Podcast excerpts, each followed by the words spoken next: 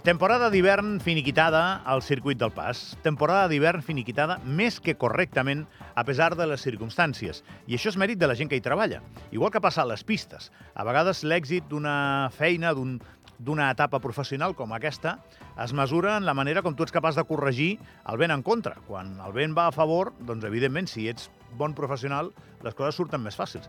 Però és quan va en contra el vent, quan es nota precisament la perícia, la paciència, la determinació per resoldre aquests problemes. Anem a comentar-los, perquè el tema m'interessa especialment com a exemple, un mes de com doncs, aquesta competència professional pot lluitar contra una evidència que és que cada vegada fa més calor, cada vegada neva menys, i això, doncs, evidentment, aquí té un, un negoci doncs, que està posat en un lloc com aquell, i a més que ha fet tanta fortuna a l'etapa hivernal, doncs deu preocupar, no? M'imagino. Àlex Bercianos és el director del circuit. Àlex, bon dia. Hola, bon dia. És possible que sigui el millor hivern que heu tingut vosaltres de feina i alhora el més difícil o què? Bueno, encara no tenim resultats finals, de, òbviament, de l'hivern, perquè no ha acabat, acabem el 15 de, de març la temporada, però sí que és cert que hem fet temporades fins al moment de la nostra història, sí. Tot i, evidentment, el que estem comentant de, de les circumstàncies. Sí, sí, la veritat és que ha sigut un hivern molt desgastant, molt dur, eh, tant física com anímicament, el eh, que normalment és més fàcil perquè la neu i les temperatures baixes pues, et, et mantenen la pista en, en un estat dur, en un estat de, de gel.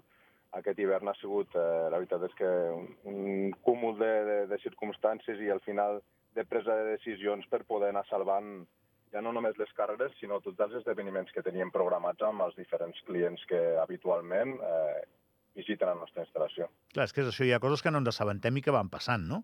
Que formen part de l'àmbit privat, però que, com que és una instal·lació molt atractiva, et van contractant.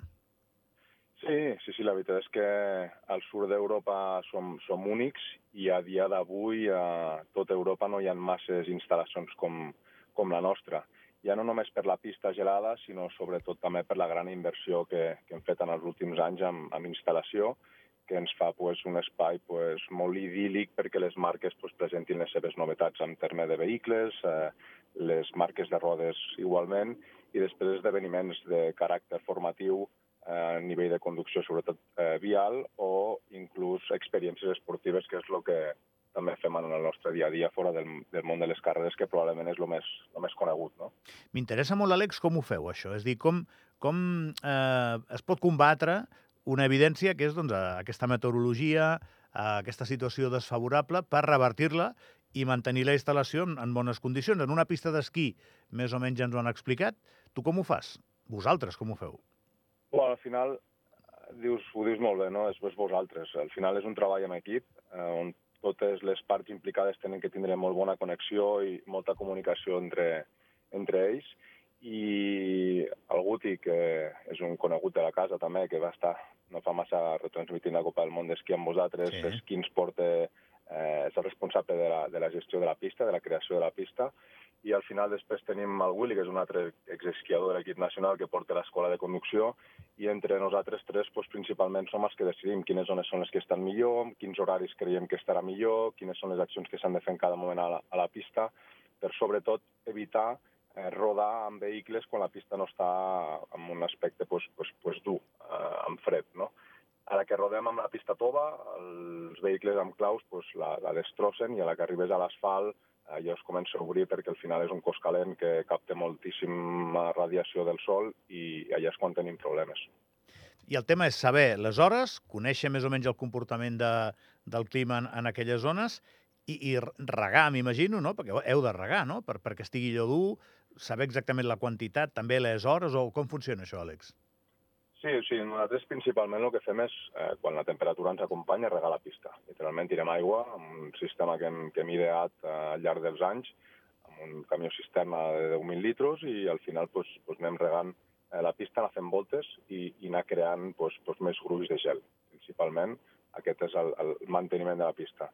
L'únic que eh, semblarà raro o atípic, però inclús a 2.400 metres d'alçada hi ha hagut moltíssimes nits aquest any que no arribem a rossar els, els eh, temperatures negatives i, òbviament, amb temperatura positiva no es pot, no es pot regar, perquè si no al final l'efecte és contraproduent. Acabes regant la pista amb, amb calor i, i la fons més que no pas eh, creix gel. I, I té a veure eh, en el fet que tingueu aquesta lectura tan eh, precisa de, de la situació, el fet que els tres, perquè tu també, veniu del món de l'esquí, eh, coneixeu la muntanya? Sí, home, òbviament. Al final, pues, tota aquesta experiència que tenim, eh, inclús ja no només del món de, de l'esquí, sinó del món de la competició de l'esquí, i, i et dones compte que una mica el, es feia el mateix a l'època, no? Hi havia dies on le, el dia s'aixecava molt malament i inclús les carreres s'anul·laven o s'aplaçaven, o es buscava començar més d'hora. Per exemple, quan anàvem a esquiar als Alps a l'estiu, pues, eh, t'aixecaves molt més d'hora perquè el sol impactava sobre el glaciar i la neu s'estovava i no era interessant per ningú doncs intentem pues, amb aquesta experiència pues, fer una mica el mateix, no? buscar aquelles franges horàries on la pista sabem que estarà millor i, i fer l'activitat durant aquell espai de, de temps.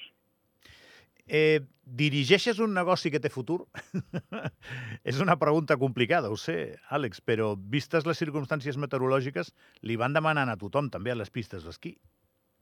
Al final l'únic que podem fer és ser optimistes, pensar que sí, eh, és molt difícil. Es parla moltíssim eh, últimament de que si s'ha de canviar el model de negoci, eh, jo en sóc conscient de que al igual hem de començar a mirar cap a altres costats, però no és evident que l'èxit que té Andorra a dia d'avui gràcies a la neu es pugui tindre eh, gràcies a altres coses eh, en períodes hivernals. No? Així que l'únic que hem de fer és, seguir tinguent aquesta sensibilitat que fa falta per poder organitzar esdeveniments outdoor amb aquestes temperatures, eh, ser molt conscients de quins són els paràmetres que afecten, quins són els paràmetres que, que et beneficien i, i això, i, i obrir molt doncs, els ulls, l'astúcia, eh, carregar-nos d'optimisme i seguir pensant en, en com fer viable i possible aquesta instal·lació pues, tan, tan única i referent ara mateix pues, segueixi oberta.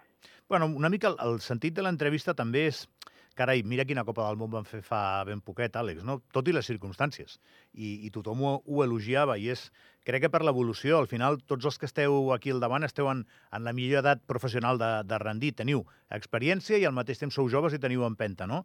Però teniu eh, allò que en diuen molt al món de l'empresa, un know-how sobre, sobre aquest món que fa que, no sé si som únics a Europa, però no hi ha gaires llocs al món que siguin capaços de revertir una situació com aquesta en l'àmbit meteorològic i mantenir, doncs això, una, una, una temporada bona, correcta, no? Perquè, home, l'any a nivell meteorològic per l'esquí ha estat terrorífic i Andorra ha sobreviscut. La gent segueix venint, tu has fet molt bona activitat, tant de competició com privada, em deies. No sé, és un petit miracle, no?, o què? Sí, sí, sí. Al final és un conjunt, eh? És un conjunt de persones, és un conjunt de decisions que es prenen i, i com bé dius, estem en un moment on, per sort, l'experiència ens avala i ens ajuda en aquest aspecte. Eh? I, I no pot anar de cap altra manera. Al final vosaltres ho dieu cada dia, avui serà un bon dia, és el que hem de pensar cada dia quan comencem a, a treballar allà i sobretot també eh, hi ha molta implicació emocional amb el projecte. No és només una feina per tots nosaltres, per tots els que estem allà. Eh, estimem la formació, estimem el motoresport i al final això també fa una miqueta més fàcil, no? I Àlex, si trec del mig la meteorologia, que he insistit molt en això, però clar, no, no és només això, quin, quin futur li espera aquest circuit? Perquè aquest circuit és una de les joies de la corona del país, no sempre considerada igual per tothom. Va costar molt fer-lo, com bé saps, i, i bé, ara ja fa anys que està més o menys actiu. Quin és el futur que li espera? Què, què voldries que passés allà dalt? Bueno, la veritat és que a l'hivern som molt coneguts i tenim pues, una activitat que és bastant difícil de, de fer a, a, a qualsevol altre lloc. En aquest aspecte, l'hivern ens funciona, ens funciona molt bé. Eh, vam ficar en marxa només fa, fa sis anys el, el projecte d'estiu i és algo que de la mà dels germans Gené eh, amb el karting i del Rubén Chaus amb les motos pues, ens està funcionant molt bé també. I ara el principal objectiu que tenim és ser capaços, tant els mesos de primavera com de tardor, de seguir activant eh, esdeveniments i sobretot formació. Crec que som una instal·lació eh, molt bona per poder formació. Tenim grans professionals que es dediquen doncs, ja no només a formar pilots de l'entorn del Fernando Alonso com han fet aquest any, sinó també a formar gent que simple i senzillament pues, pues té por o encara no té el coneixement suficient per conduir. Ja no només amb carreteres nevades, sinó també amb carreteres d'asfalt o terra, no? I no només a gent que porti cotxes, sinó també motos. I una mica el meu gran repte aquest any és, és potenciar aquest tipus de formacions, tant en privats com en administracions públiques, per exemple, eh, perquè la gent pues, cada cop que agafa un vehicle, un, ja sigui una moto o un cotxe, pues, ho facin amb la màxima seguretat i el coneixement de causa com per no patir accidents o per patir eh, pues, accidents a terceres persones. I una última que se m'acut. L'obertura propera del centre icònic us afecta en positiu d'alguna manera, que estarà allà a prop? Sí, sens dubte, sens dubte. Eh, sempre dic que com més coses atractives hi hagin al nostre voltant, millor, perquè al final eh, el que necessites és que la gent passi per davant de, del teu local, no? del teu xiringuito, i que el vegin, i això al final pues, ens farà eh, encara més un lloc pues, pues especial, no? diferent, únic, i n'estic convençut que això ens ajudarà. Àlex Barcianos és el director del circuit d'Andorra al Pas de la Casa. Eh, gràcies pel teu temps i enhorabona per la feina feta i a seguir. Moltíssimes gràcies per la trucada i enhorabona pel programa perquè dona gust, al meu entendre, escoltar una ràdio d'aquesta qualitat a casa nostra. Bueno, home, moltíssimes gràcies. Que vagi molt bé. Adéu.